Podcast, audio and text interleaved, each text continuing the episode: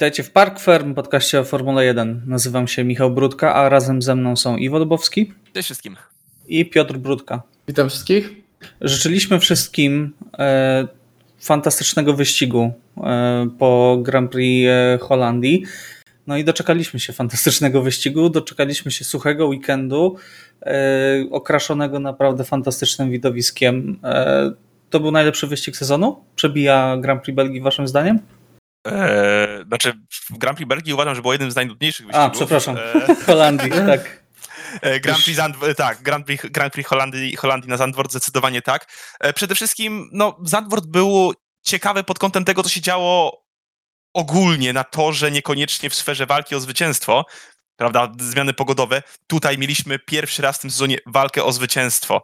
Może ona trwała 15 okrążeń, ale była. Był atak, były obrony, coś się działo.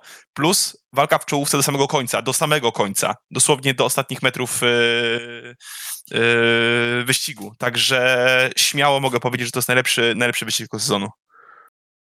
Tak, no ja myślę, może nie, aż, nie będę aż taki entuzja, tak entuzjastycznie do tego nie podejdę, że to jest na pewno najlepszy wyścig tego sezonu, ale naprawdę to był bardzo, dobry wyścig, bardzo dobre ściganie. Dużo mieliśmy tutaj e, zagłostek, czy to e, strategicznych, czy to, e, czy to jakichś innych tutaj rozwiązań na torze. Też tak na dobrą sprawę się trochę oglądając, tak sobie pomyślałem, że kurde, przez te pierwsze 10-15 okrążeń do momentu, w którym Max Verstappen nie wyprzedził e, Carlosa Sainza, kiedy była ta walka o pierwsze miejsce, my praktycznie żadnego wyprzedzenia na to, że nie mieliśmy. Tych wyprzedzeń naprawdę nie było jakoś bardzo dużo, a i tak na dobrą sprawę wszyscy są zadowoleni po tym wyścigu, a przynajmniej większość i myślę, że mieliśmy sporo emocji. Właśnie to jest to, co bardzo często powtarzam, że w końcu mieliśmy jakąkolwiek rywalizację, chociaż przez trochę o to zwycięstwo, a tak jak Iwo już powiedział, do samego końca była walka o podium i w sumie koniec końców nie wiedzieliśmy, kto na tym podium e, finalnie stanie. Dokładnie tak. Tutaj tak. Ja tylko chciałem mhm. dodać, że właśnie spotkałem się z bardzo wieloma opiniami, jak rozmawiałem z różnymi osobami po wyścigu, że, że, że nie, wyścig był nudny, jakby nie było czego oglądać. Ja tak myślałem, wydawało mi się, że oglądałem inny wyścig, szczerze mówiąc, ale wydaje mi się, że to chodzi o to, że po prostu, że 23 rok nas za bardzo nie rozpieszcza pod kątem tego, co się dzieje. I no bo na to, że... był taki sam, no mówię, przez pierwsze 15 okrążeń to było na dobrą sprawę nadzieja, yy, może nie tyle nadzieja, co było emocje, bo Sainz się bronił, no koniec końców po starcie jak yy, jak Max Verstappen dogonił Carlosa Sainza i nie miał żadnych tam problemów, no to było wiadomo, że prędzej czy później, czy to w czystej walce, czy to jeśli chodzi o strategię, no to on ten wyścig wygra. I myślę, że pod tym względem no, to nadal jest to trochę nudne, ale biorąc pod uwagę to, jaki jest ten sezon, e, że od początku sezonu wygrywa Red Bull, to że od 15 wyścigów już e, Red Bull wygrywa, no to no to myślę, że to i tak na przestrzeni tych ostatnich 15 wyścigów to jest czołówka top 3 moim zdaniem wyścigów, jakie mieliśmy. Na dobrą sprawę od roku Red Bull przegrał jeden wyścig. Brazylia. Tak, ponad, już od ponad roku na dobrą sprawę. Ponad roku, tak. Ojej. To jest straszne. To jest naprawdę absolutnie straszne. No, znaczy, ja jest... jestem, jestem w stanie zrozumieć, e, jeżeli ktoś nie jest takim e, nie chcę powiedzieć fanatykiem, bo to często jest pejoratywne określenie, ale ogromnym fanem Formuły 1 e, i ogląda każdy wyścig, każdą sesję stara się oglądać, tak, no to jest jednak przyzwyczajony do tej dominacji Red Bulla i dla mnie ten pojedynek Sainza z Verstappenem to był taki trochę pojedynek Louisa Hamiltona z Kimi Raikkonenem. Nie wiem, czy pamiętacie. E, Kimi Raikkonen wygrał kwalifikację minimalnie. 2018? 2018 rok, no, Pamiętam, pamiętam ten wyścig. E, I było tak, że właśnie Ferrari, wiadomo było, że ten Mercedes jest szybszy, wiadomo było, że Hamilton ma ogromne szanse na zwycięstwo. E, no i do momentu, aż no, opony wytrzymały Raikkonena, to był w stanie jakoś odpierać te ataki Hamiltona. Tam, z tego co mhm. pamiętam, to wytrzymał dłużej, chyba do 35 albo 40 okrążenia. Tak, tam nawet. bardzo mocno też się Bottas włączył w walkę i, i po, został dłużej na torze i później blokował Kimiego Rekena, co też e, bardzo pomogło Luisowi wtedy. Mhm. E, ale miało się to poczucie, że prędzej czy później to się wydarzy, tak? I tutaj mhm. też było tak samo, tak? Wiedzieliśmy, że Ferrari będzie zjadać opony dużo szybciej, tak? e, bo jest jednak wolniejszym bolidem w tym roku, tak, dużo wolniejszym.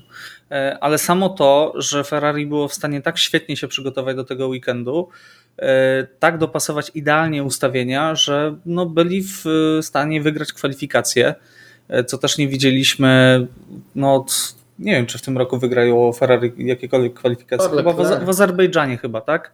Charles Leclerc wygrał. E, z tego co pamiętam, zarówno do, do sprintu, jak i do, do wyścigu. No ale tak czy inaczej, tak? E, tutaj e, mieliśmy Ferrari szybkie w każdej sesji treningowej, tak? Sainz wygrał drugi chyba i trzeci trening, o ile dobrze pamiętam. No ale byli szybcy, tak, od samego początku i nawet widziałem jeszcze po Grand Prix Holandii fragment programu GP Continental, który mówił właśnie o tym, że na Holandię, Holandię odpuścili prawie, jeżeli chodzi o przygotowania. Wszystko było podporządkowane pod Monce, e, żeby dopasować idealnie tamten pakiet i oni tłukli okrążenia w symulatorze, przygotowywali wszystko po prostu, żeby jak, najlepiej, jak najwięcej wycisnąć z tego bolidu.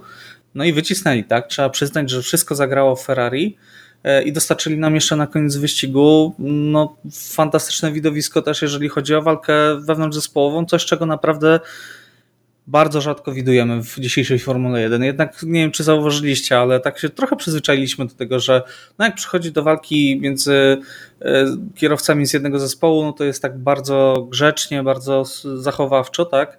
E, zespoły jednak często wkraczają i mówią, dobrze, nie ścigajmy się, tak? Nawet nie wiem, przypomina mi się od razu teraz Fernando Alonso, który mówi: Nie, nie, spokojnie, ja nie będę atakować Lansa, tak? tak. Miał przewagę 100 punktów ponad, tak. ponad Lansem. z tego. Nie, no to było w Hiszpanii, to wiesz. No, to pamiętam, pamiętam, widziałem. E, tak, e, ale tutaj widzieliśmy taką prawdziwą walkę y, o to ostatnie miejsce na podium i Leclercowi strasznie zależało na tym. Sainz miał strasznie zużyte opony, y, bo walczył jednak y, też wcześniej o pozycję, y, zarówno w pierwszym stincie z Verstappenem, w drugim z Perezem. Także no brawo, brawo dla Freda Wassera, bo z tego co czytałem, to była jego, jego własna decyzja, żeby pozwolić im się ścigać. Tam były próby, chyba w sensie słyszeliśmy tam rady zespołowe w trakcie wyścigu, tam była chyba jakaś próba może nie powstrzymania, ale E, przekazania kierowcom, żeby się opanowali. Zaapelowaniu o spokój i tak. rozwagę. Bez, bez ryzyka, tak? No ja to jestem w stanie... Bez ryzyka, to, to bez ryzyka nie znaczy nie ścigajcie się, tak? Tak, tak. Bez ryzyka to jest uważajcie, żeby się po prostu nie władować i nie zmarnować tego świetnego wyniku dla zespołu. Ja się bałem, I że to chwilę między... po tym komunikacie tak. prawie się władowali w siebie i się i skoczyli.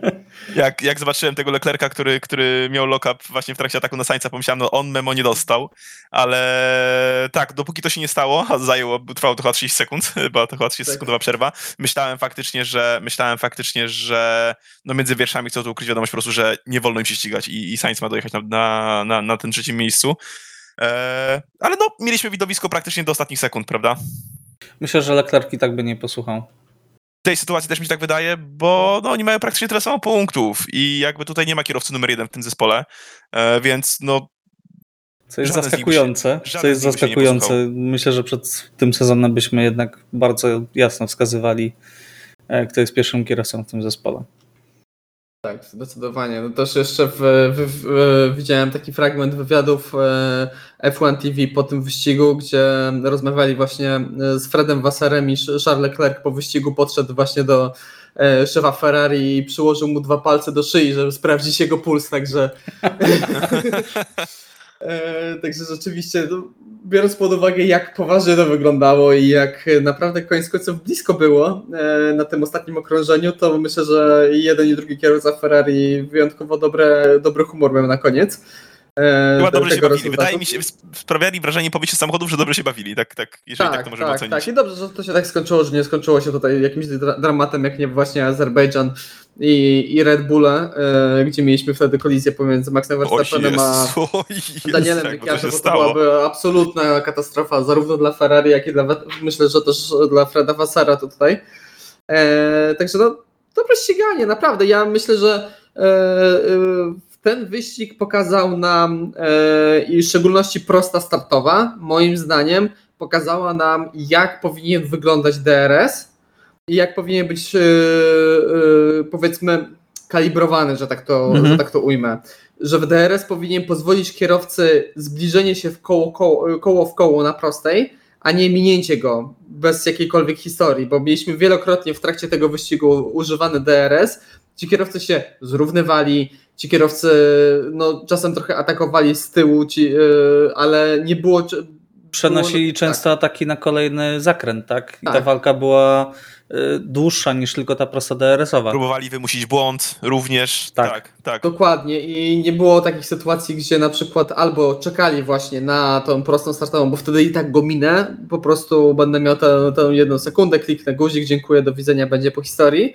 E, Z jednej strony, a z drugiej strony nie było czegoś takiego e, o wiele gorszego, co, co mi się wydaje, że na przykład e, kierowcy po prostu odpuszczali i mówi, dobra, to ja sobie poczekam na DRS, albo Mhm. i tak go nie będę tutaj wyprzedzał, jestem koło w koło, ale odpuszczę ten zakręt, poczekam 3-4 zakręty i go na DRS-ie dopadnę.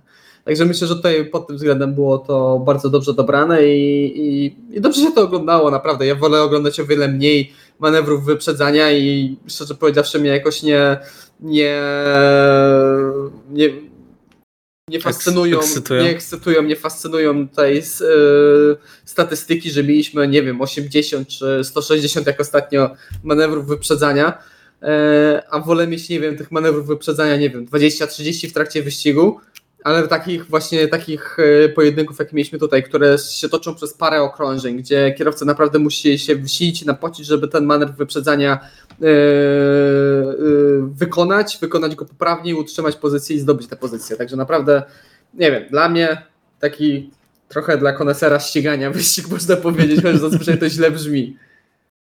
Ale zgadzam się w pełni, tak. No to 100 razy lepsze jest coś takiego, tylko że też oczywiście ja myślę, że zdajemy sobie sprawę, jak ciężko jest to wyliczyć, tak? Tak, tak, tak. Bo równie dobrze możesz przechylić ale w- troszkę w złą stronę i nikt nie będzie wyprzedzać, tak? I zaraz będzie larum, o matko, co oni zrobili, skrócili DRS i y, nie ma żadnego wyprzedzenia, bo jest za krótki, tak? E, Ale tutaj tak, to było świetnie e, wyliczone. Ta strefa była, no nie wiem, nie wiem czy wyliczone, nie wiem czy był zmieniany DRS, może po prostu akurat tak Tak w się tym złożyło. roku się złożyło, tak? E, Natomiast y, najgorszy dla mnie y, jest, są dwa DRS-y, jeden po drugim, kiedy jest jeden punkt detekcji. Na pierwszym wyprzedza na przycisk i w drugim jeszcze ucieka. Tak. Dla mnie to jest po prostu, e, to Chociaż absolutnie nie, powinno, nie powinno mieć miejsca. I chociaż szczerze powiedziawszy, jak już rozmawiamy o tym, e, to w, chyba jeszcze gorsze są dwie, dwie oddzielne e, strefy detekcji, bo na dobrą sprawę wtedy e, nikt nie wyprzedza w tej pierwszej. Tak. Albo też nawet jak kierowca ktoś wyprzedzi w tej pierwszej, to nawet komentatorzy często go ganią za to, że wtedy to zrobił, a nie poczekał Mhm. na drugą. No dlatego, jak widać, no nie, jest, nie jest to łatwe, tak? E, My często lubimy sobie ponarzekać, tak, że no na tym to, że wyprzedzenia były zbyt łatwe albo zbyt trudne, najczęściej zbyt łatwe, tak? E, No ale no nie jest to łatwe na pewno z Nie. punktu widzenia organizatora, tak? Przy takiej ilości czynników i dajmy na to, nawet jeżeli się trafi taki has, który nie, nie wymienia skrzydła, o czym też będziemy na pewno rozmawiać, e, na, na Monce, no to też ciężko wycyrkulować, tak? Dobrze, ale y, rozgadaliśmy się na temat Ferrari i słusznie, y, bo Ferrari zaliczyło dobre pitstopy, dobrą strategię. Właśnie, pit stopy. Tak, tak, to chciałem zaznaczyć. Nie naprawdę. mogliśmy narzekać na Ferrari w tym Tak. wyścigu. Jaka miła odmiana. Jedyne co można się tak na siłę, ale to naprawdę bardzo na siłę przy, przyczepić to w momencie przy pierwszych zjazdach, yy, że nie zaryzykowali trochę, żeby trochę tutaj powalczyć z Perezem taktycznie, strategicznie. Typu E, na przykład wcześniejsze ściągnięcie Leclerca, yy, żeby podciąć bardziej Sergio Pereza, bo widzieliśmy i sami kierowcy to zgłaszali, że yy, podcięcie na tym w trakcie tego Grand Prix było naprawdę bardzo mocne. Także może tutaj ewentualnie mogli, mogli to zrobić i trochę bardziej odważnie zawalczyć. Zagrali bezpiecznie. Trzecie, czwarte miejsce. Też jestem w stanie zrozumieć bardzo dobry rezultat, bo ostatnio to straszna, e, straszny marazm był w tym zespole. Także Czy wiesz co, Piotrek, ja myślę, że to, ta historia była trochę inna. Gdyby oni byli bliżej tego Red Bulla, to myślę, żeby coś takiego zrobili. ale zdawali sobie sprawę, że nie są w stanie po prostu walczyć Tak, z by Red Bullem. stracili te pozycje Z prawdopodobnie. drugiej, z drugiej strony Perez finalnie Sainza wyprzedził na ile? 5 okrążeń, 6 okrążeń przed końcem? No coś, Coś takiego, bo wtedy To zaczęła się właśnie- walka właśnie między wie- Ferrari. Znaczy, ja nie mówię tutaj, że była jakakolwiek wa- szansa na walkę z Maxem Verstappenem, bo no, szanujmy się, nie. E, ale z Sergio Perezem to jak najbardziej wydaje mi się, no ale to mówię, no to, to już e, mega czepialstwo się naprawdę tutaj, biorąc pod uwagę to, co potrafi zrobić Ferrari źle, to było naprawdę bardzo dobrze. Tak. E, no to jeżeli już chwalimy, to no, trzeba też pochwalić Verstappena, tak? E, no nie, nie będziemy za dużo o tym mówić, bo chwalimy go po każdym e, wyścigu przez ostatnie 4 miesiące co najmniej. E, a tak naprawdę od dwóch lat. E, no, pobił rekord Sebastiana Vettela, to trzeba też po prostu powiedzieć.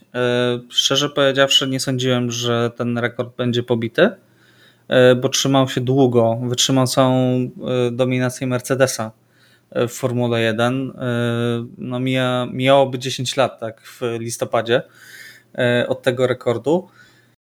E, No i Max e, zapisuje się naprawdę z złotymi zgłoskami w e, historii Formuły 1. E, Nie wiem, chcecie coś jeszcze dodać, czy przechodzimy od razu dalej? Że... Tutaj jest- Tak, Tutaj jeszcze widać, tego dokończę właśnie myśl, e, tutaj właśnie widać po, po tym wyścigu, jasne, Max jechał ile, 15-16 okrążeń za Sańcem. E, widać było, że po, zagrał bardzo cierpliwie, bardzo Mhm. bezpiecznie, bez żadnego ryzyka i no nie był totalnie podpalony, biorąc pod uwagę jaką, no jaką, jaką wagę miał ten wyścig dla niego i, i tego rekordu. Także no Widać tutaj... było, że bardzo zależało mu na tym rekordzie. Tak, widać, że bardzo zależało, ale jednocześnie nie chciał zgruzować samochodu głupimi Tak. atakami, prawda? Właśnie o to chodzi. No tutaj wychodzi już ta dojrzałość mistrza, tak? dokładnie, dokładnie. Piotrek? Tak, Jeszcze coś chciałeś też dodać? chciałem dodać, że no, trochę szczęście sprzyja lepszym tutaj, bo e, przez awarię Yukiego Tsunoda wyścig był o dwa okrążenia krótszy Mhm. niż miałoby to e, normalnie miejsce, a w e, samochodzie Maxa pod koniec tego wyścigu no, była trochę nerwówka i zaczęło wiele wolniej jechać, bo na czujnikach odnośnie temperatury w paru podzespołach były podobno wartości krytyczne. I, e, Tak, jemu kazali e, robić ten lift and coast, tak? Czyli I to tak po prostu ek- ekstremalnie. ekstremalnie, że zaczął jechać 3 sekundy wolniej na okrążeniu, żeby się nie zbliżyć do Pierre Gasly'ego, który go miał dublować, Dokładnie. bo to by podniosło temperaturę, tak? No ale tak jak mówisz, na szczęście sprzyja lepszym. Tak, także nie wiadomo, co by się wydarzyło, jakby ten wyścig potrwał jeszcze dwa okrążenia, czy myślę, że nie pozwoliliby Czako na wyprzedzenie Maxa Absolutnie. Verstappena, absolutnie, to bardziej tutaj Myślę, że Czek- prę- prędzej by go dopchał do tej mety. Perez, Perez by ewentualnie mógł się zbuntować i wyprzedzić, ale jednocześnie by to się dowiązało pewnie z zerwaniem kontraktu na 2024 rok. E, A z drugiej strony, no ciekawe po prostu, czy te komponenty by wytrzymały to. To też jest ciekawe. No ale nie dowiemy się. Szczęście sprzyja lepszym i w pełni zasłużone na pobity rekord. Ciekawe na ile go wyśrubuje, bo już e, jeden rekord mieliśmy w tym sezonie, e, czyli ilość z rzędu wygranych wyścigów przez jeden zespół. Teraz mamy Który jest cały czas śrubowany. tak, już mamy 15. e, Max Verstappen 10 wyścigów z rzędu wygranych. e, To na dobrą sprawę w tym momencie zostaje Red Bullowi wygrać wszystkie wyścigi w tym roku, co nigdy nie miało miejsca. No chyba, że Prawie. Bierze, liczymy pod uwagę, że nie bierzemy pod uwagę Indy Tak. e, 500 tam w roku 50 i 52, jeśli dobrze pamiętam. No pierwsze dwa lata Formuły Tak. 1. Tak. To wtedy E, Ferrari chyba wygrywa wszystko. Tak, to wtedy wszystko. Fer- Ferrari i Alfa, z Alfa Romeo wszystko wygrywa. No, no i co? Fajnie jest. A co powiedzieć o Perezie? Znowu nie najlepsze kwalifikacje, ale w wyścigu pojechał, no doje, zrobił swoje, tak? I pewnie kroczy po wicemistrzostwo świata. Tak, jakby zrobił swoje, ten dystans faktycznie za Maxem nie był tak duży, ale to no już wiemy dlaczego, prawda, Max musiał odpuścić. Eee, Ale te jego zachow- walki. Właśnie to chciałem powiedzieć, tak, że te jego, je- je- jego walki, zachowanie, yy, zwalanie na, na, na, na wypchnięcie z toru, kiedy do tego nie doszło. Dobra, ja rozumiem emocje w trakcie wyścigu, nie zobaczysz jak daleko twoje skrzydło jest od, y, od koła rywala i czasami lepiej odpuścić i zwalić na to, że hej, zostałem wypchnięty przez Sańca. E, ale u Pereza no te ataki były bardzo często bardzo nieskuteczne i ile? Dwa, trzy razy? Czy dwa razy musiał oddać pozycję tak pod rząd? E, Mhm. nie pamiętam, ale no troszeczkę tego było. Na pewno już zwróciliśmy na to uwagę. początku Też było, że dwa razy bodaj, że Tak, wyjechał za tor. Tak, tak, No- ale no fakt zrobił swoje, no, powinien to robić co wyścig, biorąc pod uwagę jakim samochodem jedzie. Eee, mieliśmy dzięki temu też trochę walki, widzimy, że to jest zupełnie inna klasa kierowcy niż, niż Max Verstappen, eee, ale jednocześnie no, jedzie w dominującym samochodzie, także, że tak powiem, teraz mu się upiekło, mimo że kwalifikacje nie były zbyt mocne w jego wykonaniu. Bo tylko sobie spojrzę, starting grid. Eee, dobra, piąty, nie było tak źle. No dostał się do Q3 to zawsze, co nie by było oczywiste w tym w tym sezonie roku. tak, nie jest tak źle. Ale no pokraczniej wyglądały te jego próby wyprzedzenia. To, to, to tutaj Prawda, w, pe- w prawda. pełni się zgodzę. No tylko No i- 40 w kwalifikacjach był za Maxem. To już nie było sekunda Hmm. i 30. A, 40 na Monzie, jak miał to z Monza. Spokojnie, zaraz będzie Singapur. Czeko włączy swój mm, O nie, nie, nie, tryb nie, nie. O, ty- Tryb 2018. 2018. Tak. O Jezu. Dla, E. dla osób, które tego wyścigu nie pamiętają, bądź też nie oglądały, e, Sergio Perez e, wpadł tam w szał. W, tak, wpadł w W szał w amoku, momencie, był w kiedy, amoku. kiedy w samochodzie Racing Force India, przepraszam, e, próbował wyprzedzić Siergieja Sirotkina. Tak. To mu się No, nie udawało. wcześniej Okona jeszcze A wcześniej. wcześniej Okona. Okona zmiażdżył o ścianę. A Nie Siergieja pierwszy raz w tamtym roku. A Siergieja Sir to, pięknie, to była piękna współpraca teammateów naprawdę. E, A jeżeli chodzi o Siergieja Sirotkina, który nie chciał dać się wyprzedzić, wyjątkowo, jedąc też samochodem no niezbyt szybkim, mówiąc delikatnie, Sergio Perez bardzo się zdenerwował, kiedy był obok y, Siergieja Sirotkina, uderzył go w bok. Na Uderzył się prostej. z tym autem. Po To prostu jest zderzył coś się z tym podobnego autem. co Lewis Hamilton Piastriemu w tym wyścigu, ale specjalnie, z pełną premedytacją. Tak, tak, to, to, to, tak to, to, to, to było specjalnie. Jakby no, dla mnie takie zachowanie jest z, powinno być z automatu karane banem na kolejny wyścig. y, Wręcz. I, Iwo wtedy zaczynał oglądać. Formułę 1, ale z perspektywy czasu ja jestem w szoku naprawdę, że Tak, e, nie dostał wtedy, nie zo- został zdjęty po prostu z tego wyścigu. dokładnie, dokładnie. To Stanowił zagrożenie dla innych kierowców. No ale Sebastian cóż, Vettel kiedyś też wjechał w Lewis Hamiltona Luisa, pod, tak. pod, pod rok wcześniej, safety chyba w carem. 17 chyba, nie? W 17 Tak, tak, chyba w roku. 17. Tak, pod safety carem, także no, różne historie były. Ja sobie nie przypominam, żeby kierowca kiedyś dostał czarną flagę. Czy były te historie z pierwszego dziesięciolecia y, tego wieku, y, gdzie jakieś tam wymogi, wymogi regulaminowe, pamiętam, że Montoya chyba kiedyś dostał dyskwalifikację w trakcie wyścigu, bo coś, nie wiem, e, nie odbył kary, czy coś takiego? Czy on wtedy wziął e, ten samochód? No nie wiem, nie, nieważne, No, nie przypomnę. Kiedyś w Formule takiego. 1 było mnóstwo jakieś zapasowe auta, które można było wziąć, tak. E, Były różne manewry dozwolone i e, dużo bardziej zawiłe, mam wrażenie, regulaminy i sędziowie dużo bardziej surowi byli. E, 30 sekund stop and go, zapuknięcie innego samochodu. Nie, myślę, że Hamilton dzisiaj, chociaż no, mógł dostać drive za, za taki manewr na Piastri. E, przepraszam, e, bo Tak. aż szybko wygooglowałem, e, Mhm. kiedy ostatni raz była e, czarna flaga w Formule 1. 2007 rok, e, Grand Prix Kanady. Felipe Massa i Giancarlo Fis- Fisichella Okej, no za złamanie jakichś przepisów w pit lane. Kompletnie nie pamiętam o co chodziło wtedy. No tak. Ale wyścig pamiętny dla polskich kibiców. Niestety tak. Tak. No musiał się po- pojawić. Robert Kubica musi się w tym podcaście pojawiać raz na jakiś czas. Tym bardziej, że mówimy o Grand Prix Włoch. Tak. I wspominamy Grand Prix Kanady. Dobrze, kropka. Przechodzimy dalej. E, mm, porozmawiajmy o Mercedesie i Ostanie Martinie. E, kolejne zespoły. E, Mercedes nie ma najlepszej pasy, prawda? To nie wiem, coś się, coś się zepsuło. Tutaj, tutaj właśnie, jeżeli chodzi o ten wyścig, można powiedzieć, że nie ma najlepszej pasy, to jest, to jest jedno, ale z drugiej strony Ferrari, oceniając czysto Monzę w tym momencie, mhm. Ferrari było wybitnie dobre jak na ten zespół. E, Stąd nie uważam, żeby występ Mercedesa był aż taki zły. szczerze mówiąc. Z drugiej strony, jak patrzysz na stratę do Verstappena 23 sekundy w wykonaniu Russella i to po 5-sekundowej karze, Tak, to, to, to, nie jest trage- tragicznie. jest tak? tragedia. Nawet biorąc pod uwagę problem Maxa w końcówce. Tak, bardziej ta walka, bardziej, bardziej tak naprawdę, jeżeli chodzi o takie, o takie większe minusy, o których pomyślę sobie, to ta, ta walka e, Louisa Hamiltona, który nie zauważył Oskara Piastriego w momencie, kiedy walczyli jakby koło w koło, jechali przez całą chciałem powiedzieć prostą, krzywą do drugiej szykany. Eee, i, to tłumaczenie, chociaż nie, Hamilton się od razu przyznał do błędu Przyznał po wyścigu. się do błędu, tak, tak. tak, tak. jakby- No ale samo to no, dla siedmiokrotnego mistrza świata taki wypadek, Tak, no gdzie spodziewać, że samochód... widzieliśmy naprawdę masę y, manewrów identycznych, które nie kończyły się wypadkiem i to nawet kierowcy Ferrari tam z lock-upem Sainz potrafił się wodować i, i nie zderzyć.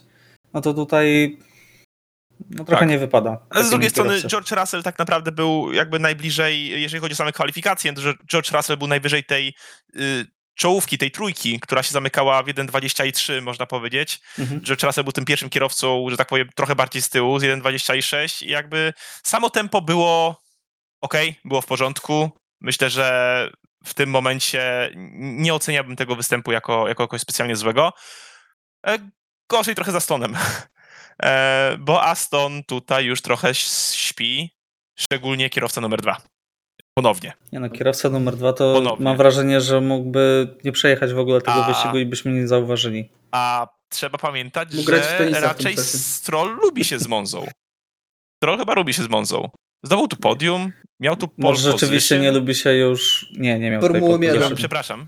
Miał drugie miejsce w 2017 chyba roku albo 2018, jak była deszczowa kwalifikacja. A, to zgubiałem. Mi się wydawało, że było jakieś takie dziwne pole position, ale to... to, to Turcja. To... Turcja, Turcja, to była Turcja, masz rację. E, ale było podium. No, miałem, pół racji miałem.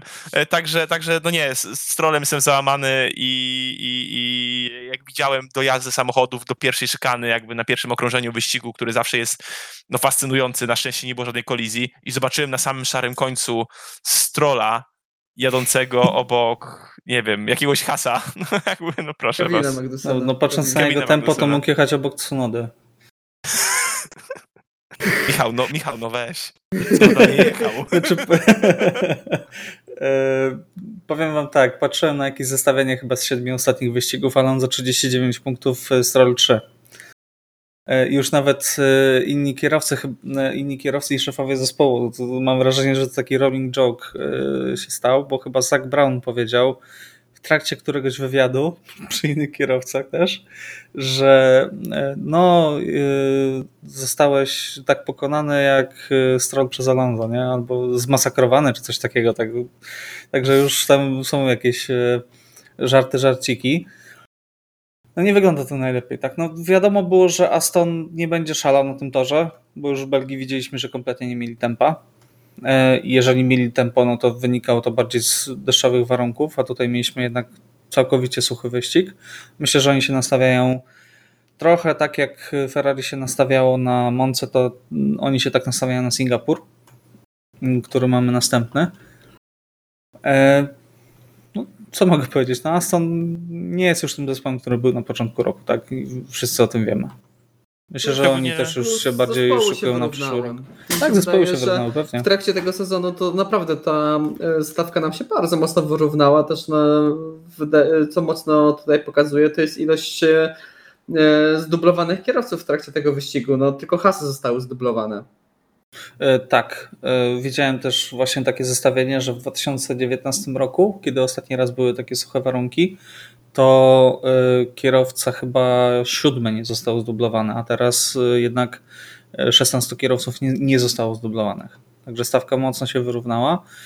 Co prawda mamy nadal duże różnice między, między kierowcami, no ale co zrobić, tak? Tak, no to, Nie to pokazuje, w że, 19. Tak, że walka o ten drugi najszybszy zespół, jeśli chodzi o dane Grand Prix, jest naprawdę bardzo, w, w, w, bardzo wyrównana i zróżnicowana, bo zawsze mocny jest Mercedes, niezależnie od warunków i zawsze gdzieś tam czyha, jak e, p- podpasuje im ustawienia, to są wtedy drudzy najszybszy. Czasem wyskoczy nam e, na szybkim torze Ferrari, jak w ten weekend. Czasem McLaren. McLaren nam wyskoczył, na początku był bardzo mocny Aston Martin i teraz na dobrą sprawę na Zandvoort myśleliśmy, że to jest takie przebudzenie, no ale tutaj, tak jak mówiłeś, to te szybkie tory im nie leżą ze względu, no chyba cały czas oni od początku sezonu mieli te problemy, że no ten samochód na prostych najszybszy nie był. Mhm. Eee, Czasem nie wiadomo dlaczego, nie wiadomo skąd nagle się Alpin też potrafi pokazać i zdobyć jakieś podium. Także no naprawdę mamy tutaj pod tym względem, jeśli chodzi o walkę o powiedzmy drugi najszybszy zespół, tutaj mamy bardzo wyrównane i bardzo dobre widowisko. Tylko No mamy Red Bulla, który dość- wygrywa cały czas, no ale to y, szybko, bardzo, bardzo łatwo jest y, powiedzmy w jeden weekend wyścigowy być na podium, a w kolejnym nie, nie zapunktować albo bić się o ledwo, ledwo jakiekolwiek punkty, jak tutaj właśnie w, w wykonaniu Astana Martina. No, Pierre Gasly. w dopiero ogóle był na podium. Co, co się wydarzyło? Tak. I Alpin nie wychodzi z Q1, tak? I Pierre Gasly na 15 miejscu kończy wyścig. A Okon w ogóle nie dojeżdża, o czym nie dowiedzieliśmy się na dobrą sprawę, bo nie zostało to nawet pokazane. E, Tak, podczas... Ja w ogóle nie, Wiesz, nie bo ja pod koniec jakby dopiero się orientowałem. że Tak. Ja, się przy, ja przyznam szczerze, że ja się zorientowałem tuż przed odpaleniem nagrywania tego podcastu, jak odpaliłem sobie wyniki wyścigu, jeszcze tak patrzę, Okon nie ukończył, mówię, co się stało? Dokładnie. Kiedy? E, Chciałem coś powiedzieć, też powiedzieć, e, że e, tutaj e, mieliśmy 10 kierowców w tym sezonie na podium. 10 kierowców. Gdyby nie cyrki w Alfa Tauri, to można powiedzieć, że pół gridu, tak? E, Ale e, no, mamy 10 kierowców i naprawdę tutaj no, to grono, gdyby nie Lance Stroll, to mogłoby liczyć 11 kierowców. Gdyby jechał jakiś troszkę lepszy kierowca w Astonie na numerze 2, y, myślę, że spokojnie by złapał jakieś podium na początku sezonu przy tamtych problemach Sergio Pereza, tak? Jak miał więcej szczęścia, to też 12, Oskar Piastri. Tak. No i tutaj nie liczymy oczywiście podiów y, z sprintów, tak? Bo Piastri był na podium Tak. w sprincie, tak? E, No dobrze. E, Porozmawialiśmy o Mercedesie. E, O wypowiedziach to to jeszcze porozmawiamy, bo to też jest oddzielny, oddzielny jakby tutaj punkt na sam koniec. Takie ciekawostki zostawiamy. Por- tak, gwóźdź programu. Porozmawiajmy o Albonie. Potężnym albo nie. O potężnym Albonie, tak. e, Gigalbon. E, nawet bym powiedział. e, powiem wam, że taktyka Williamsa jest niesamowita. E, Oni mają, po, że oni mają tę podłogę w końcu, czy nie? Jakoś już normalną, bo nie No pamiętam. mają plan tak chyba, nie wiem. Coś tam mają, nie wiem, może To muszą mieć coś tam regulamin. muszą mieć. No, Mają to deskę. na, na, regulamin na Zandworcie, na Zandworcie y, no, mieli, tak, mieli całkiem niezły docisk. Znaczy, y, Albon powiedział, że to był najtrudniejszy wyścig w jego życiu i nie chciałby go powtórzyć, gdyby miał jeszcze raz go przejechać.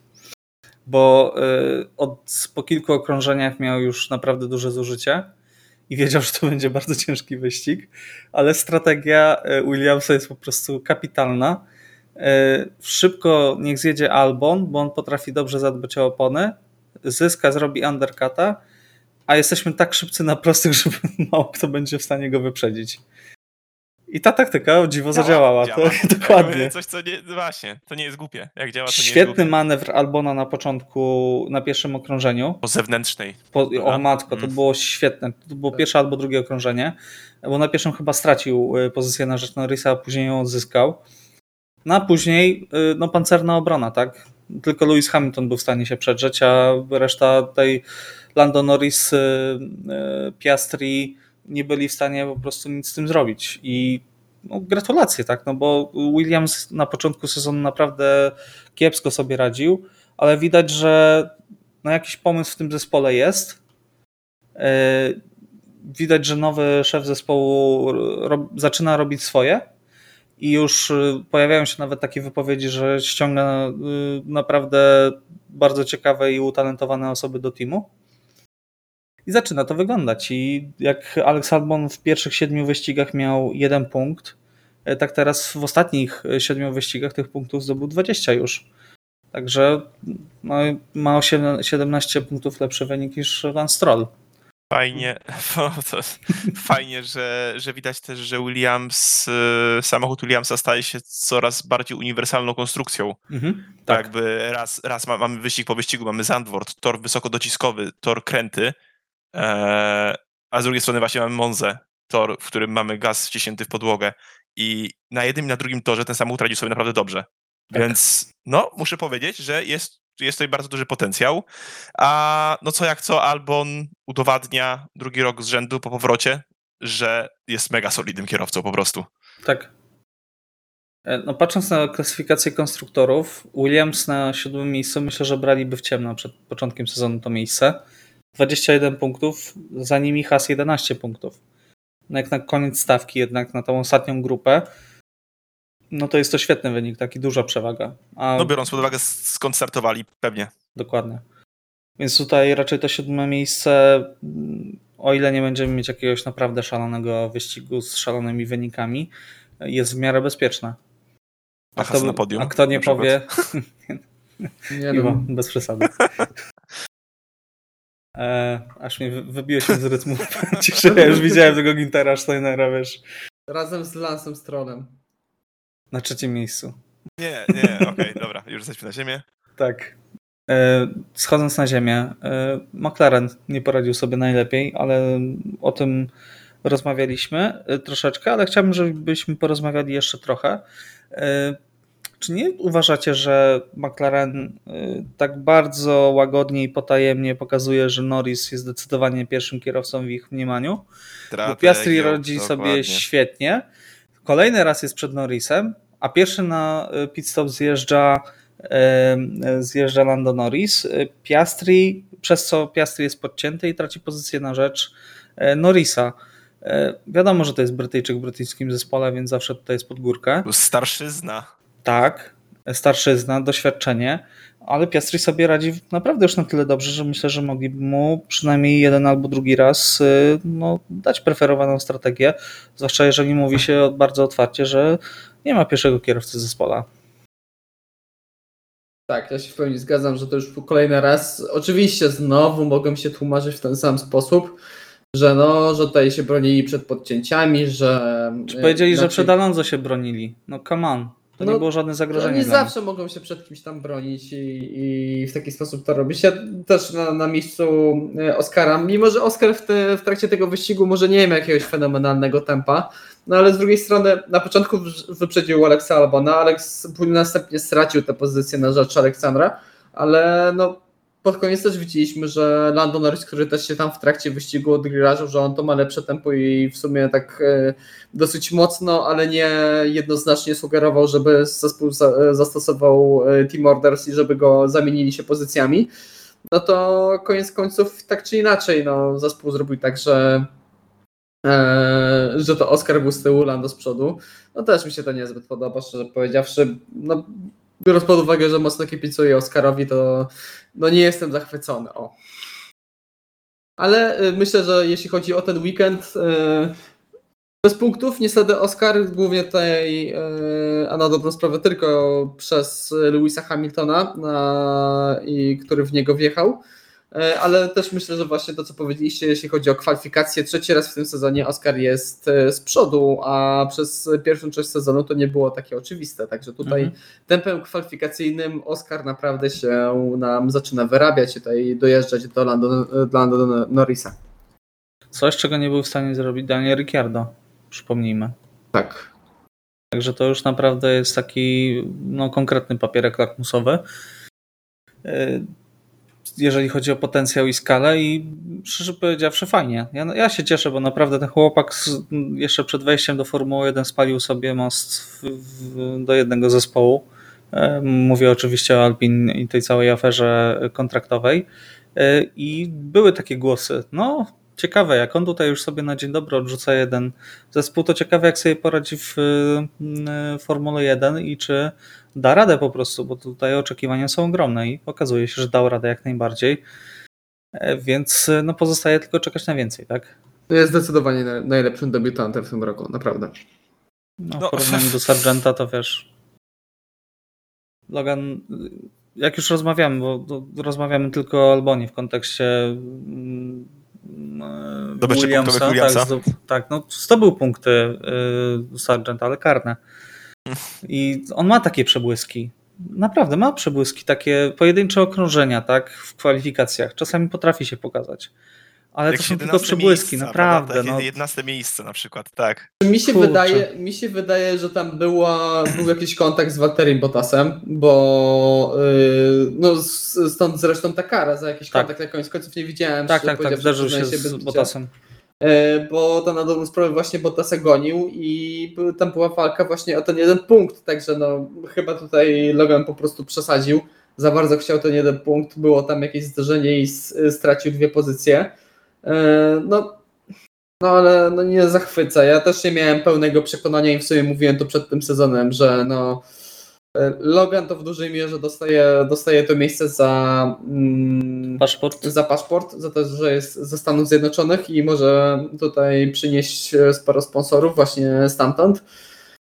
E, Bo w Formule 2 w zeszłym sezonie no byli lepsi od niego, nie ma co tu się oszukiwać, także no zobaczymy no, jak to się potoczy, tym bardziej, że James Wolves e, też powiedział, że no, musi mieć lepsze rezultaty. Po tym wyścigu powiedział, że no, musi mieć lepsze re- rezultaty Logan, jeśli chce jeździć w tym zespole w przyszłym sezonie, także zobaczymy.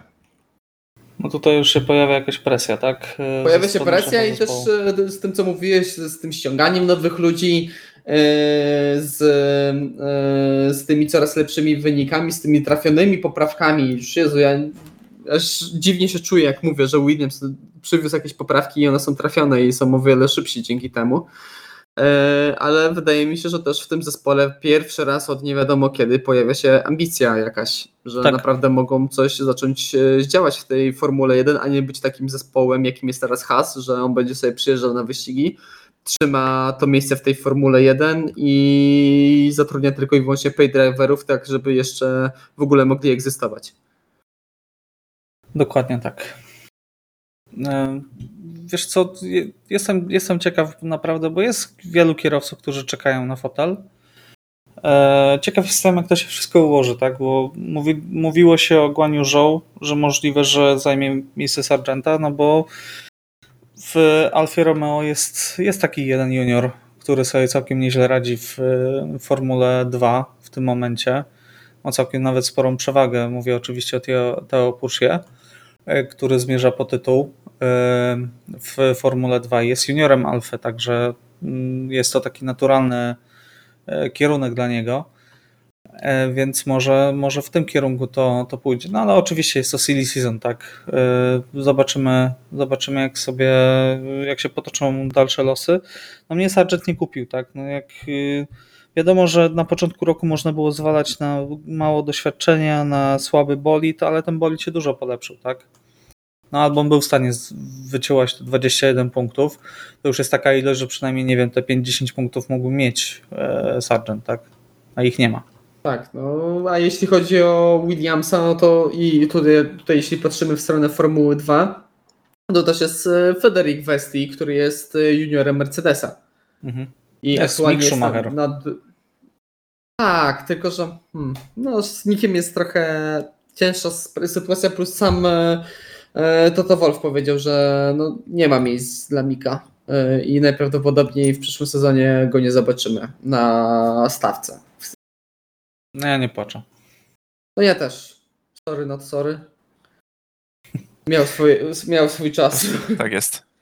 Okej, Rozwijać prze- bolidy. przejdźmy dalej, bo już e, gadamy całkiem sporo, a jeszcze dużo tematów zostało. E, Valtteri Bottas po jeden punkt przerywa czarną pasę Alfa Romeo, która już tylko jeden punkt traci do Hasa, więc e, to też jest taka motywująca wiadomość dla tego zespołu. Starcie tytanów. Tak. Przepraszam, ja, ja lubię Alfa Romeo, ja lubię zespół Zaubera. Zresztą jeżdżę Alfą Romeo, także zawsze tak trochę patrzę na nich. Ale no ludzie, Hy, hy, hy, chyba na lawecie. jeszcze nigdy Musiałem, ten, musiałem. ten samochód jeszcze nigdy na nawecie nie był. Wiem, miałeś, że Sabem i mój też nie. Michał, a czy twój? No dobra, nieważne. tak. E, tak, dobra. niestety tak. A Wracając do Alfa Romeo, to fajnie, że w swoim takim, można powiedzieć, trochę domowym wyścigu jeśli chodzi, patrząc tak globalnie na ten zespół, eee, no to, że udało im się ten jeden punkt zdobyć, naprawdę bardzo dobry wyścig w wykonaniu Alfy i myślę, że to jest No i taki to totalny... malowanie. Tak, Tak, to malowanie. tak. Piękne malowanie. To, to jest niesamowite, jak flaga włoska potrafi sprawić, że coś jest piękne nagle. To jest naprawdę, to, bo to nie było jakiegoś gigantycznego kunsztu w tym malowaniu. Nie, Ale w połączeniu właśnie z resztą malowania Alfy, która naprawdę w tym roku prezentuje się bardzo ładnie, no No, pasowało. śliczna kombinacja kolorów. Tak, tak, tak, naprawdę tutaj bardzo ładnie wygląda ten bolid, a sam wyścig w wykonaniu Alfy naprawdę top, naprawdę na to jaki mają y, pakiet, na to jakie mają tempo, to naprawdę y, wielkie brawa zarówno dla Walteriego, jak i dla, y, dla całego zespołu za strategię, bo naprawdę bardzo dobrze im to wyszło. No, co by dużo mówić, no, drugi ich kierowca skończył wyścig na 14 pozycji, 14. także Także no, Guaniu się trochę nie popisał w ten weekend, naprawdę bardzo, bardzo dobry rezultat tutaj ze strony Bottasa. No i co, niech wyprzedzą tego Hasa, bo mnie tak rozsierdzili w ten weekend, że Dobrze, to porozmawiamy teraz o y, takim cichym bohaterze, moim zdaniem, przynajmniej moim cichym bohaterze tego weekendu, y, o panie Lawsonie. Y, no, zaimponował mi. Mówiliśmy przed y, poprzednim odcinku. Monza jest niesamowicie trudna, jeżeli chodzi o y, no, takie wejście do bolidu, tak, bez większej ilości kilometrów. Bo tak jak Piotrek wspominałeś, musisz mieć absolutną pewność na tych dohamowaniach, y, bo inaczej tracisz naprawdę bardzo dużo. Poradził sobie fantastycznie. I 11 miejsce w y, kwalifikacjach, o ile dobrze pamiętam. 12 w 12, kwalifikacji, 12, 11 tak. wyścigu. Tak, 12 w kwalifikacjach. Wow. Tuż za Yukim Tsunodą. E, Ja tylko żałuję tej awarii właśnie Yukiego, bo jestem ciekaw, jak, jak on by wypadł e, po prostu w tym wyścigu, bo e, Alfa Tauri wyglądała naprawdę bardzo przyzwoicie. I moim zdaniem mogłoby być tutaj, znowu Yuki mógł być na tym dziesiątym miejscu. Ale tak, no, Lawson naprawdę wypadł fantastycznie i sam jeszcze tak bardzo bojowo do tego podchodzi. Mówił, że no, popełniłem jeszcze wiele błędów proceduralnych, jest dużo do poprawy. E, Więc e, no, widać u niego naprawdę tempo e, bardzo przyzwoite. Jestem ciekaw, jak to się rozwinie, bo na pewno jeszcze pojedzie w Singapurze. Najprawdopodobniej pojedzie jeszcze w Japonii, bo pojawiają się doniesienia, że Ricciardo wróci dopiero na Katar, jeżeli już, bo może wrócić jeszcze nawet później. Więc nawiązując do ankiety, którą mieliśmy w poprzednim odcinku, e, bo wstawiłem, aż, e, aż zobaczę. Dajcie mi chwilkę. E, Powiedzcie, co sądzicie na temat Lawsona, a ja odkopię tę ankietę. Tak, no tutaj to dokładnie to, co powiedziałeś, Michał. Ja się nie spodziewałem, że po przede wszystkim, no teraz to był pierwszy weekend wyścigowy, w którym Liam miał a, wszystkie sesje dla siebie. E, nie spodziewałem się, że może mu tak dobrze pójść, biorąc pod uwagę, ile stracił w zeszłym wyścigu pod kątem e, treningów. Bo sam wyścig, oczywiście, przyjechał bardzo dobrze. Tak teraz poradził sobie po prostu jeszcze lepiej. E, I jestem pod dużym wrażeniem. Naprawdę jest to fajny prognostyk dla tego kierowcy, ponieważ mimo, że nie zdobył punktów jeszcze, zauwa- zauważmy, że jest to, że jest to Alfa Tauri, e, tak jak zrobił to e, Nick De Vries w zeszłym sezonie w Williamsie, no, w sumie to był Williams, no, tak czy inaczej. e, tak, e, tutaj mamy drugi weekend z rzędu, w którym pokazuje, że ma potencjał, ponieważ A, nie rozwalili samochodu, e, B, dojechał na solidnych pozycjach, C, jechał z głową. Jechał naprawdę z głową. Jakby czuć było, widać było to opanowanie po nim. Także, no, czapki z głów. Bardzo dobre występy, jak na, no i powiem tak, lepsze występy niż wielu juniorów, że tam, no tak, wielu juniorów, dwóch juniorów jeżdżących przez wiele, wiele, wiele więcej wyścigów od początku, od początku tego sezonu. No już wszedł najlepsze miejsce Nika De Vries. No właśnie. Jeżeli chodzi o ankietę, kiedy wróci Daniel Ricciardo, 25% już na Singapur myślało. Przykro mi bardzo. E, 13% na Japonię stawiała, e, 38% na później niż e, te dwa terminy, a 25%, że już nie wróci w ogóle. Bo też dałem taką opcję, bo to, jest się możliwe. Nie wypowiedzieli. Mhm. Dokładnie, opinie są podzielone. Mm, Jednak Prawda, e, pół nieprawda, pół legenda. Dokładnie. E, więc e, no, zaczyna być ciekawie, tak? Wygląda to źle z perspektywy Daniela Ricciardo, bo on miał tutaj wejść z buta, że tak powiem, kolokwialnie. Udowodnić, udowodnić, udowodnić, tak, nadal mam to coś. Ta przygoda w McLarenie to była przygoda i jakiś wypadek przy pracy, bolid mi nie pasował. Ja tutaj wracam, pokazuję Tsunodzie jak się jeździ i Perez bój się, bo ja wracam do Red Bulla. A tymczasem no, pokazał się całkiem nieźle, ale Perez zaczął lepiej jeździć, zaczął dowozić podia.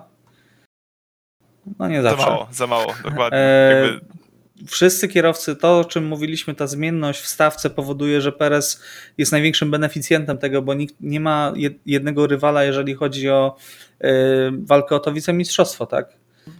Zbiera te punkty, cięła te punkty, czasami na podium, czasami gorzej ostatnio lepiej, e, ale jest na tym miejscu pewny, tak? Jak zdobędzie wicemistrzostwo, no to co wygonisz wicemistrza świata? Tylko dlatego, że co, że pojechał kiepsko kilka, kilka wyścigów i będziesz ryzykować znowu, że trafisz na jakiegoś gościa, który nie będzie ci w ogóle dojeżdżać? No, no bo jest taka możliwość, tak? Ale z drugiej strony, no ja. W, no mam wrażenie, że ja Verstappen chce się pozbyć. Historię że jak Volkswagen się wycofywał, to Andreas Mikkelsen zdobył wicemistrzostwo i nie znalazł nigdzie miejsca. Już w mhm. sumie nigdy w WRC. okay. pojedyncze rajdy dostawał, ale nic więcej. Także no, różnie. Znaczy, biorąc pod uwagę, jakie plotki się pojawiły o Lando Norrisie w Red Bullu, no to może od razu powiedzmy. E, pojawiły się dość mocne plotki, e, że już nawet po tym sezonie, na początku weekendu e, widziałem na Twitterze takie, przepraszam, na Xie, e, takie, na Twitterze, na, takie doniesienia, że e, Lando Norris może już McLarena opuścić nawet po tym sezonie. Mhm. To było takie dla mnie dość mocno zaskakujące i mało prawdopodobne. E, ale po tym wyścigu Helmut Marko jako, że Red Bull zdobył dublet, e, Sergio Perez zdobył maksimum punktów, jakie mógł zdobyć, to został przez niego skrytykowany. E, po raz kolejny e, Sergio Perez jest skrytykowany przez Helmuta Marko i już oficjalnie powiedział, że no, przyglądają się Norrisowi i obserwują możliwości, żeby go ściągnąć i już coraz więcej jest takich nawet pytań otwartych przez dziennikarzy właśnie o to, czy Lando przejdzie też przy okazji można przypomnieć e, to, te plotki po e, Silverstone, że Lando Norris w sumie też powiedział, że on na początku roku był rozżalony i, i szukał e, alternatyw. Także no, zaczyna się to trochę składać w jakąś całość, a też nie jest, nie jest tutaj jakąś tajemnicą, że Max Verstappen bardzo lubi Lando Norrisa, przyjaźnią się przyjaź po, poza torem prywatnie. Także no, zobaczymy. No myślę, że dla Red Bulla, jeśli mają wywalić Pereza, no to aktualnie to jest chyba najlepsza opcja, szczerze powiedziawszy. I na wszelki czy, wypadek, czy dla Norrisa to jest najlepsza opcja? Czy dla Norrisa to jest najlepsza opcja? Bo ja rozumiem y, podejście Norrisa, tak? Jest uznawany za świetnego kierowcę. Jeździ w McLarenie już piąty sezon. To już jest kawał czasu. Jego pierwszy zespół jego pierwszy zespół, e, więc może mieć takie poczucie, że z McLarenem, który nie potrafi dostarczyć bolidu na początek sezonu, no przechodzisz jednak do topowego zespołu, gdzie masz szansę na walkę o podia w każdym wyścigu i no, czasami o zwycięstwo, tak. No i ten, i koniec końców, jakby nie patrzeć, Red Bull no miał sezony lepsze, miał sezony gorsze, ale na dobrą sprawę od e, sezonu 2009 to oni są cały czas zdolni walczyć o podia. Więcej bądź mniej, ale zawsze są. Zawsze więcej, są są na tym podium, przynajmniej raz w tym wyścigu, także e, w tym sezonie, także tutaj naprawdę e, no i aktualnie dominują. Oczywiście zaraz wchodzą e, zmiany, nowy regulamin silnikowy i tutaj może nam to prze, przetasować stawkę bardzo mocno, no ale no myślę, że to szczerze powiedziawszy z perspektywy Lando jakby dostał taką możliwość i byłoby to rabialne, że tak powiem, do zrobienia, ja bym się nie zastanawiał. Drugiej takiej, drugiej takiej propozycji możesz nie dostać w karierze, szczerze a, powiedziawszy. A już zacząłby rozjeżdżać Maxa. No wątpię, myślę, że byłby, to byłby bardziej... szok. No, ale to byłby gruby szok. No to trochę taki szok jak, chociaż nie, to był większy szok, mam wrażenie, jak Ricciardo wszedł i trochę zaczął wy, wygrywać wyścigi w Red Bullu a, i wyprzedzać Vettela, tak, który sobie był świeżo po zdobyciu czterech tytułów mistrzowskich rzędu. No tak, no to, to no byłoby wiecie. coś. Wtedy było większy szok, to, to przyznaję, bo tak. Vettel był świeżo po tej właśnie. No Vettel był nietykalny, tak. Po, po, tych dziewięciu wyścigach, plus był właśnie w Red Bullu kompletnie nietykalny. No ale no. Nie wiem, no dla Norrisa to jest mega, y, jeżeli już, tak, bo oczywiście to są tylko spekulacje, tak, pojawiły się jakieś plotki, jest za wcześnie, żeby o tym mówić, y, ale no co, coś może być na rzeczy, tak. Ale w ogóle, sorry, że ci jeszcze wejdę w słowo, jakby wtedy Lando Norris kompletnie zazłomował karierę Daniela Koniec. Ricciardo. Tak. Ojoj, ojej. Najpierw go zmiażdżył w McLarenie, a później mu zabrał miejsce w Red Bullu. No trochę tak, no, trochę tak to by wyglądało, ale Norris wszedłby naprawdę w paszczę lwa. Tak. To wchodzisz do zespołu, który jest ustawiony pod jednego kierowcę, w którym bolid jest ustawiony pod jednego kierowcę, który no, jest po prostu kochany, który jest, nie wiem jak wiekowo to wygląda, no, są podobni wiekowo, tak? Nie kojarzę szczerze powiedziawszy, czy Lando Norris jest młodszy, od Maxa Verstappena. No, zawsze 9, mi się 9 wydaje. rocznik, dwa lata młodszy. No to dwa lata młodszy, tak. E, no więc to nie jest duża e, różnica wieku, tak, zwłaszcza jeżeli mamy Fernando Alonso jeżdżącego w stawce. E, Z drugiej strony to już nie jest dziecko, już jeździ ładnych parę lat z doświadczonym kierowcą, także... No ale to może być znowu kazus Ricciardo, tak? Odbije się od mm, topowego zespołu i nie wiem, czy może jeszcze liczyć na miejsce w innym topowym zespole, jeżeli sobie naprawdę nie poradzi. Nie wiem. Ja bym się obawiał trochę y, na miejscu Norrisa, bo nie będziesz miał równego traktowania w Red Bullu. Strach przed dołączeniem do mistrzowskiego zespołu, nie? Tak, Jakby. Tak, dokładnie. To, to tylko pokazuje sposób, w jaki Verstappen sobie radził z kolegami z zespołu. Tak. Z drugiej tak. strony możesz być takim Walteri Bottasem ma dobrą sprawę, trochę lepszą wersją Walteriego Bottasa. No i widzisz, Walteri Bottas z jednej strony, tak, y, z jednej strony Walteri nie był tak szanowany za no bardzo. To mało powiedziane. Tak. Był szkalowany. Był szkalowany, ale jak spojrzysz, no to jednak y, chyba kilkanaście wyścigów wygrał. Y, albo no coś koło dziesięciu mam wrażenie. Kilkadziesiąt miejsc na podium. Kilkadziesiąt no to, to jest piękna kariera w Formule 1. I dwukrotny wicemistrz świata, jak tak. co by nie mówić. Dlatego, że o wicemistrzach się nie pamięta. E, no tak. E, no ale co zrobić, tak? E, no jestem ciekaw, jak to się wszystko rozwinie. Dobrze, także czekamy, czekamy na więcej, jeżeli chodzi o Liam Lawsona, tak? Podsumowując tak ten bardzo rozbudowany wątek. Tak jest, tak jest. Tak, tak no i mam na, i szczerze powiedziawszy po tych dwóch e, wyścigach myślę, że i biorąc pod uwagę, że w, w zeszłym sezonie był to trzeci kierowca w Formule 2, także naprawdę bardzo wysoko. Też bardzo dobrze sobie radzi w tym sezonie, jeśli chodzi o super formułę, bo tam dotychczas jeździł e, e, w tym sezonie w japońskiej właśnie serii. To myślę, że naprawdę e, chciałbym go zobaczyć w Alfa Tauri w przyszłym sezonie. 10 wyścigów wygrał Bottas. Podliczyłem o, e, na szybko, także równie tylko 10. Piękna kariera, tak. Wielu kierowców by się dało pociąć za, za taką ilość wygranych wyścigów. E, dobrze, to przejdźmy, przejdźmy dalej. E, zamykamy dyskusję o Grand Prix Włoch, chyba że chcecie dodać jeszcze dosłownie ostatnie słowo. Has. Nie, has. Has, okej, okay, dobrze. No to Piotrek, powiedz, co ci leży na wątrobie na temat hasa. Ja już, mów, ja, ja już mówiłem, że ostatnio tam jest straszna degrengolada w tym zespole, ale nie sądziłem, że aż taka, że oni y, nawiążą do takich wspaniałych konstrukcji jak Williams z 2019 roku y, i nie przywiozą nawet y, specjalnego tylnego skrzydła, które ma mniejszy opór na ten tor. Każdy inny zespół to zrobił. Oni tego nie zrobili i dziwnym trafem jako jedyni zostali zdublowani w trakcie tego wyścigu. No kto by się spodziewał? Szaleństwo. No, Jakby nie, ja nie pamiętam sytuacji, w której kiedyś ktoś nie przywiózł z tego skrzydła. Tak? No mówię, mi ostatni raz się przypominał Williams w 2019. Gdzie było wiadomo, że oni nie przywieźli i na Monaco skrzydła z większym dociskiem, i na Monce skrzydła z mniejszym dociskiem. Także... Jakby no, widać po hasie, jak mówiliśmy o Williamsie, że widać ambicje, tutaj tej ambicji nie ma. I przedłużyli Kevina Magnusona oraz Nico Hulkenberga. Znaczy, no, no jasne, znaczy... no, oni nie jeżdżą źle, to nie jest wina kierowców i to nie jest... Ale to już chyba rozmawialiśmy o tym, Piotr. Tak, tak, odcinku. ale no ja mówię, że to jest cały obrazek. Że to się składa do jednego wielkiego obrazku, który wygląda źle, wygląda tragicznie i moja złość na Hasa będzie o tym większa, o ile się okaże, że nie będzie mi nowego zespołu w Formule 1. To wtedy już mi się wyleje. To już, to już ostrzegam. No ale to poczekaj, to spokojnie, może nie będzie tak źle. E, o czym też wspomnimy e, za chwilkę. E, ja chciałbym jeszcze jedno powiedzieć. Chciałbym pochwalić sędziów, bo ten wyścig był świetnie sędziowany.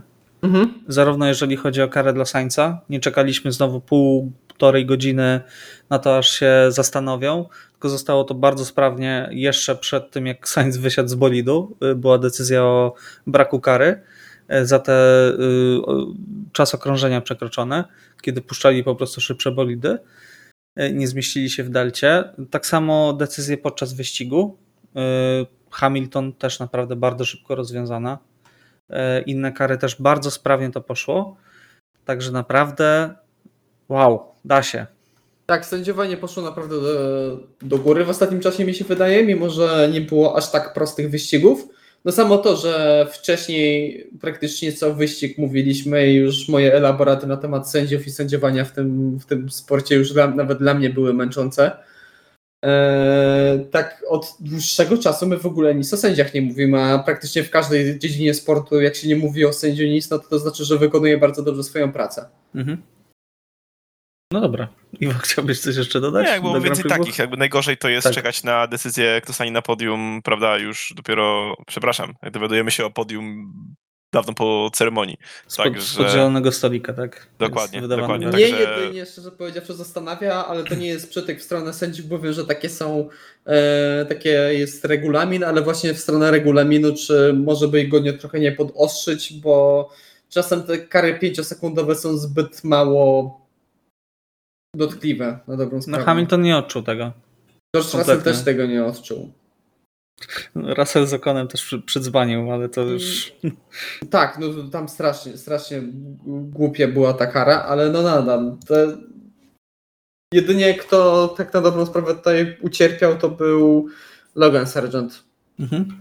I tyle, no nie wiem, tak, taka luźna myśl moja, że może te kary powinny być bardziej surowe, ale to nie mówię, że tutaj sędziowie popełnili błąd, tylko po prostu może to w regulaminie sportowym powinno być e, trochę bardziej zaostrzone. Okej, okay, dobrze. Jeszcze mam naprawdę dużo tematów do, obgadania, już ponad godzinę rozmawiamy, żeby tutaj też nie przedłużać e, znacząco. Także już tak w skrócie, to to, to, to się chyba ulało trochę. że tak powiem. E, mam wrażenie, że e, bardzo ciężko przeżywa dominację Red Bulla, bo powiedział no, absurdalne wypowiedzi. E, pierwsza wypowiedź to jest to, że tak, tak, Red Bull ma te swoje rekordy, rekord Verstappena, no to jest taka rzecz do Wikipedii, ale Wiki, Wikipedii nikt nie czyta. E, Okej. Okay. Natomiast druga to jest to, że Luis jest świetnym kierowcą i jako jedyny nie narzeka ze wszystkich kierowców. Trzecia jeszcze A. była wypowiedź, że y, Max Verstappen nigdy nie miał y, klasowego rywala y, zespołowego i jego rywale byli co najwyżej poziomu Walteriego Potasa. Znowu było uderzenie w Walteriego Potasa. Ja nie wiem, ten człowiek już dawno tam nie jeździ, a nadal go szkalują. E, już nawet się wypowiedział, e, wypowiedział Martin Brandl e, jest bardzo, powiedział, że jest bardzo rozczarowany taką postawą a Nico Rosberg powiedział, że Toto chyba miał po prostu e, złapali go w złym momencie, e, kiedy nie był zadowolony z no, wyników tak, podczas wyścigu. I no, powiedział tak to w, jakby to powiedzieć no, w ferworze walki, w ferworze walki powiedzmy, że w ferworze walki, tak no ale ja tego nie kupuję, no kurczę. No, no wielkie grafiki, które y, świętowały to, że Lewis Hamilton wygrał ponad 100 wyścigów. Tak, i, i wtedy jakoś to nie było. Kask yy, pomalowany jak yy, kask Senny, yy, też dla Louisa Hamiltona i też to było celebrowane, jak tam wyrównał jego liczbę pole position, jeśli dobrze pamiętam. Mhm. No, no wtedy jakoś to nie były rekordy z Wikipedii. No, dokładnie. Której nikt nie czyta. Jakby, come on. Ja, ja, ja, ja często sprawdzam, jak nie pamiętam wyników. No ja też, no. Ja nawet teraz mam parę zakładek odpalonych w międzyczasie, jak, jak rozmawialiśmy. No myślicie, no. Gdzie, gdzie sprawdzałem liczbę wygranych w wyścigu Botasa? No na Wikipedii. Liczyłeś się? Liczyłem je, tak. Multitasking. Dobrze. E, e, wszyscy się zgadzamy, że to nie były najlepsze wypowiedzi Toto Wolfa i no, trochę pokory, tak? i docenienia przeciwnika, bo jednak y, no, ten przeciwnik przez lata przegrywał z wami, a jednak potrafił się odbudować i e, no i teraz całkowicie zasłużenie i legalnie, podkreślam to, bo to dla niektórych fanów Mercedesa nie jest ciężkie do przełknięcia, wygrywa, legalnie wygrywa te wszystkie wyścigi. Nie tak jak w 21. nie wracajmy do tego. E, dobrze, to jeszcze dosłownie dwa tematy i szybkie, szybka zapowiedź Singapuru. E, FIA w końcu się obudziła i poinformowała, pomimo wszystkich domysłów, że żaden zespół nie przekroczył e, wymaganego tutaj limitu budżetowego. Więc jest wszystko fantastycznie. E, I druga informacja, która mam wrażenie, że trochę się wiąże z tym, a przynajmniej takie krążą teorie spiskowe, które bardzo mi się podobają, tego samego dnia e, Andretti zmienił nazwę firmy e, na Andretti Global, o ile dobrze pamiętam. E, jest to ta sama nazwa, którą miał mieć jego zespół Formuły 1. Więc już pojawiają się oczywiście, łączą kropki niektórzy fani Formuły 1 i mówią, były wykroczenia, ale zespoły się dogadały i w zamian za to, że nie będzie żadnych kar, E, żadnych e, tutaj wykroczeń i tak dalej, e, odejmowania punktów, czasu w symulatorze i tak dalej, w tunelu aero. No, zgodziły się po prostu, żeby Andretti dołączył jako jedyny zespół, bo tam aplikacji miało być więcej i też miały być zgłaszane do końca lipca i nadal ich nie, nie zgłoszono, znaczy nie ogłoszono, kto się zgłosił. I kto Andretti to, bo i kto przeszedł, już tak. miały, bo tam deadline tak. był wcześniej, a y, jakoś do końca lipca czy sierpnia miały być ogłoszone wyniki, ale jest cisza. Dokładnie tak. No mamy początek września, jest cisza y, i pojawiają się takie dwie informacje jednego dnia. Więc y, co na ten temat sądzicie? Teoria spiskowa, która nawet jeżeli byłaby prawdą, to się nie dowiemy. z niej coś dobrego, jakby biorę to. Tak. Jedenasty zespół w stawce, biorę to. Znaczy, jeśli to jest prawda, to jest bardzo złe pod kątem przestrzegania limitów budżetowych. Tak. Bo to znaczy, Ale... że już w trakcie drugiego zespołu sezonu e, jesteśmy, no praktycznie wyrzucamy te całe limity do kosza. Z drugiej strony, no kurde, jedenasty zespół i to taki, e, z taką historią. E, z takim wsparciem Cadillaca przecież. Z wsparciem Cadillaca, no to naprawdę, no może siąść. To, I to ja bardzo bym chciał, bo to byłoby coś nowego. By, mielibyśmy zespół spoza Europy, taki w pełni na dobrą sprawę od e, początku do końca spoza Europy, to w przeszłości było dość bardzo źle się kończyło, ale myślę, że tutaj może, że świat trochę też poszedł do przodu i myślę, że tutaj może to e, naprawdę e, może to zagrać. No też wczoraj na właśnie Twitterze czy Xie e, Andretti właśnie Global przy tej okazji tego re, rebrandingu była cała taka powiedzmy ofensywa medialna ich e, i też e, mi się rzuciło w oczy właśnie wypowiedź Michaela Andrettiego, że my dopiero zaczynamy. Mhm. Super. I że to jest taki major milestone, że taki, kamie, taki duży kamień milowy w naszej przygodzie i że dopiero zaczynają. Także tutaj oby to była prawda oby to się powiodło i oby to się nie okazało, że nie wiem, że do Formuły 1 ich nie wzięli i, i będą wraz z Cadillaciem, nie wiem, kolejny samochód do, w hypercarach wystawiali w WEC-u i to nazywają wielkim kamieniem milowym, ale tylko, że naprawdę wejdą do Formuły 1. Czekamy niecierpliwie. Tak. Dobrze, to teraz Singapur. Czego się spodziewacie po Singapurze i wasze przewidywania, mm, jeżeli chodzi o kwalifikację wyścigi kierowca dnia. E, Singapur, przypominam, ma zmienioną nitkę. usunęli e, w trzecim sektorze mm, część, przejazd pod mostem. tak, przejazd pod mostem i będzie tam więcej po prostu miejsca do Zapomniałem wyprzedzenia. o tym. Zdążyłem Tak. o tym zapomnieć. Ale z tego co słyszałem, to ma być zmiana tylko na kilka lat. Nie Mhm. wiem czemu, tylko na kilka lat. Bo tam jest e, remont. e, Okej. Jakiś poważny remont tamtej części po prostu miasta, d- drogi w tamtym miejscu i dlatego musieli poprowadzić, poprowadzić inaczej. Dlatego jest na kilka lat inna nitka. Mam nadzieję, że wróci ta stara nitka. To jest wspaniały tor, ja go uwielbiam, ja go kocham. Ja jeszcze najchętniej to bym w ogóle chciał, żeby ta słynna stara, stara szykana wróciła. Ten Singapore Sling, który był totalnie niedorzeczny i chory i bardzo trudny. Ale no nie wiem, ja lubię takie dziwne rzeczy, także tutaj naprawdę cały ten tor, bardzo długi wyścig, bardzo ciężki wyścig pod względem i dla samochodów, i dla samych kierowców, pod względem właśnie wytrzymałościowym, pod względem bardzo wysokiej Skrzyni biegów.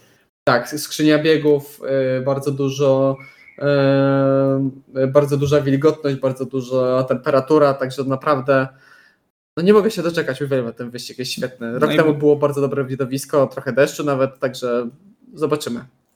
No i bardzo często safety car wyjeżdżający przez co nie byli, czasami wyścigi kończyły się, bo y, czas się kończył, tak? To Tak. też nie jest często y, widziane w Formule Za 1. każdym razem był tutaj safety Tak. car, w, trakcie każdego jednego wyścigu, także obstawiam, że będzie safety car. A najbardziej pamiętany jest jeden, tak? Tak. Dobrze. E, Piotrek, jako że tak kochasz Singapur, to zacznij obstawiać. E, Sobota Max Verstappen, niedziela Max Verstappen. Chociaż nie, Okej. sobotę e, Fernando Alonso. O matko. Zaryzykuję. Okej. Zaryzykuję. Fernando tutaj już wygrywał wyścig, także e, myślę, że do, dobrze sobie poradzi na tym obiekcie. E, w niedzielę Max Verstappen, Poświęcą, a kierowcą poświęcą dnia, strola. E, oj, jest, swojego syna. E, a w kierowcą dnia zostanie też Fernando Alonso. E, Nie, Oscar Piastri. Okej. Przepraszam, Oscar Piastri. Dobrze. Iwo? E, to tak. E, Max Verstappen w sobotę. Max Verstappen w niedzielę. A kierowcą dnia zostanie George Russell. Okej. E, Ja stawiam, e, jako że muszę nadrabiać punkty, przepraszam, że jestem nudny. Max Verstappen w sobotę i w niedzielę, ale kierowcą zostanie Lawson, który zdobędzie punkty. U. Tak. E, Także To by Trzeci było- bardzo ciężki wyścig. Życzymy mu tego, życzę mu tego Tak. również. trzeci bardzo ciężki wyścig, dokładnie. A później jest Suzuka, która też nie jest najłatwiejsza przecież. Także naprawdę rzucony na głęboką wodę, ale myślę, że sobie poradzi całkiem dobrze. E, Dobrze, dziękujemy Wam bardzo za uwagę, e, za to, że dotrwaliście, bo się rozgadaliśmy dzisiaj naprawdę okrutnie, ale było o czym rozmawiać. E, Wyścig był naprawdę fantastyczny, jak na dzisiejsze standardy. O Grand Prix Włoch rozmawiali Iwo Dubowski, Dzięki, do usłyszenia. Piotr Brudka Dzięki, cześć. i Michał Brudka. Trzymajcie się, cześć.